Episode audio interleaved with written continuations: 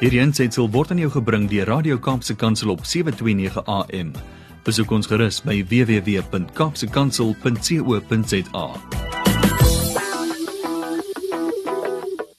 So sing Judith Sepuma, Patrick Duncan en Neville D vir ons vanmiddag kwart oor 1. Dit beteken ons vanaand daardie vraag wat in die Bybel staan en ons vra vir Dominee Mervin Adams waar daai ehm um, vrae beantwoord word in die Bybel. Hy is die leraar van die gemeente in Saron van die Calvinse Protestante Kerk en elke week bring hy sy beskeie bydrae rondom die vrae wat ons vra waar in die Bybel staan dit. Dominee Mervin, goeiemiddag en welkom aan u. Goeiemiddag Dimitri, goeiemiddag al ons luisteraars wat te voorreg om vanmiddag saam met ons, ons te wees op hierdie pragtige Sondag eh, wat die Here vir ons gegee het na al die lang afwesigheid van 'n kerkgebou. Uh eer ons die Here dat ons vandag weer terug is en weer die teenwoordigheid van die Here soos altyd beleef. Presies daarvoor ek is seker daar is baie mense wat ook bly is dat hulle nou ten minste die 50% kapasiteit ehm um, kan behartig en die diens geniet. En ek uh, sal maar sê dis beter as niks nie. Dis lekker om byeen te kom en saam te kom veral in 'n plekie soos Saron. So ek dink die familie het vanoggend amper soos 'n tipe van reunie reunion gehad. Dit is reg Dimitri, dit is uh, Saron het het, het gelukkig 'n rein kerk. Uh so die kapasiteit is is is voldoende. Yes. En uh soos jy sê dit is dit is dit is net lekker geweest vanoggend. Ag, presies. Om weer terug te kon wees. Presies Here daarvoor 'n mens besef net uh, waar die Here vir ons bring en uh, dalk besef ons nie maar dit is eintlik ehm um, iets groot nogal waardeur ons is nie heeltemal daardeur nie maar ehm um, die Here het ons gedra tot sover en ons gee vir hom al die eer en die prys uh kom toe. Dit is reg.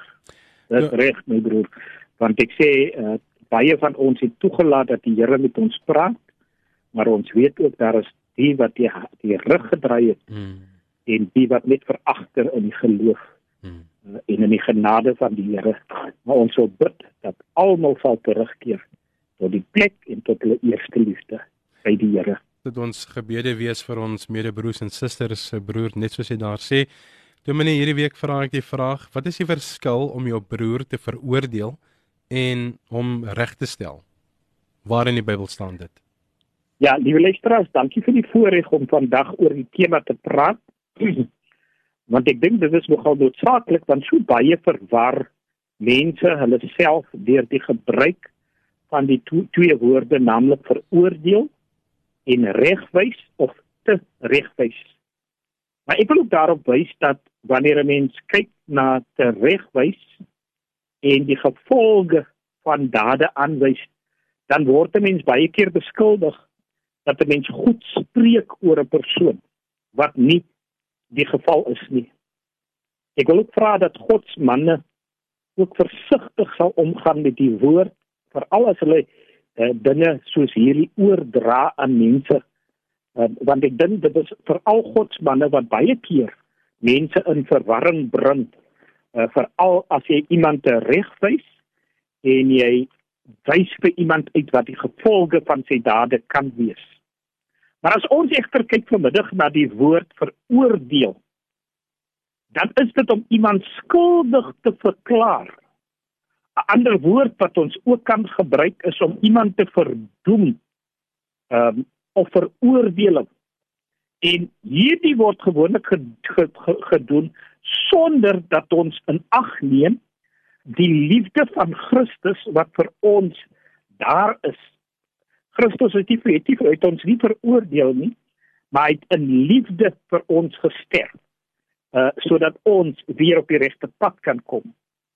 Teenoor regwys of te regwysing veral in die opsig is regwys van 'n verkeerde wyse. Met ander woorde, ons lees ook in die woord van die Here dat openlike te regwysing is beter as verborgde liefde. Dit dit kan geensins verband hou met verkeerd spreek oor 'n persoon nie. Ek wil dus ook eers fokus uh wanneer ons praat van om jou broer te veroordeel, om jou broer te verdoem en dit geskied sonder liefde. Ons weet dat God alleen mag het om te veroordeel. Spreuke 12 vers 2 leer die Here hou van 'n goeie mens, maar hy veroordeel 'n slinkse mens. En daarom weet ons ook ons mag nie uh eers ons broers veroordeel nie. Want Romeine 14:10 leer jy waarom veroordeel jy dan jou broer? En jy, waarom verag jy jou broer? Ons sal tog almal voor die regterstoel van God moet verskyn. Vers 13 sê laat ons mekaar dan nie meer veroordeel nie. Neem liewer voor om niks te doen wat jou broer kan aanstoot gee of tot 'n val bring nie. Jakobus 4 vers 11 lees ons: Moenie van mekaar kwaad praat nie, broers. Hy wat van van van sy broer kwaad praat of sy broer veroordeel, praat kwaad van die men van die met en voordeel veroordeel die wet. En as jy die wet veroordeel, handel jy nie meer volgens die wet nie, maar speel regter daaroor. En dit is wanneer ons veroordeel en daar's 'n wesenlike en 'n groot verskil. En nou kom ons na regstel of te regwys.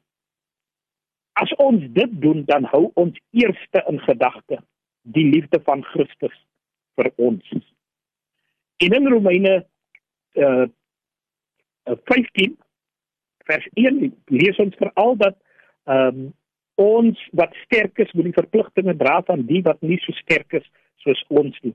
En miskien is dit net dat my broer nie so sterk is soos ek nie en ek kom moet teregwys. Maar daardie teregwysing moet in broederlike liefde, in die liefde van Christus geskied. En in Romeine 12 vers 10 betoon hartlike broederliefde teenoor mekaar. Bewys eerbied teenoor mekaar en wees mekaar daarin tot voordeel. So met ander woorde, nou moet ons die verskil sien.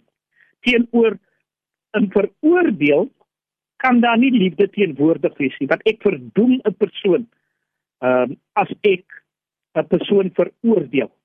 Maar as ek 'n persoon teregwys, dan geskied dit in liefde, in die liefde van Christus, dieselfde liefde wat Christus vir my het en dieselfde gesindheid wat Christus het vir ons. In Efesiërs lees ons: "Veel taal moet daar nooit uit jou uit jou mond uitkom nie." En dit is Efesiërs 4:29. "Veel taal moet daar nooit uit jou mond kom kom nie. Praat net wat goed, opbouend en is volgens die eis van omstandighede sodat julle hoorders in goeie kan kom." En ons moet let op die verskil van reg, wys en veroordeel. 2 Timoteus 4 vers 2 sê: "Verkondig die woord, hou daarmee vol, tydig en ontydig, weer lê, bestraf, bemoedig, deur met geduld onderrig te gee." Wanneer ek reg wys, dan kan ek 'n persoon leer ook.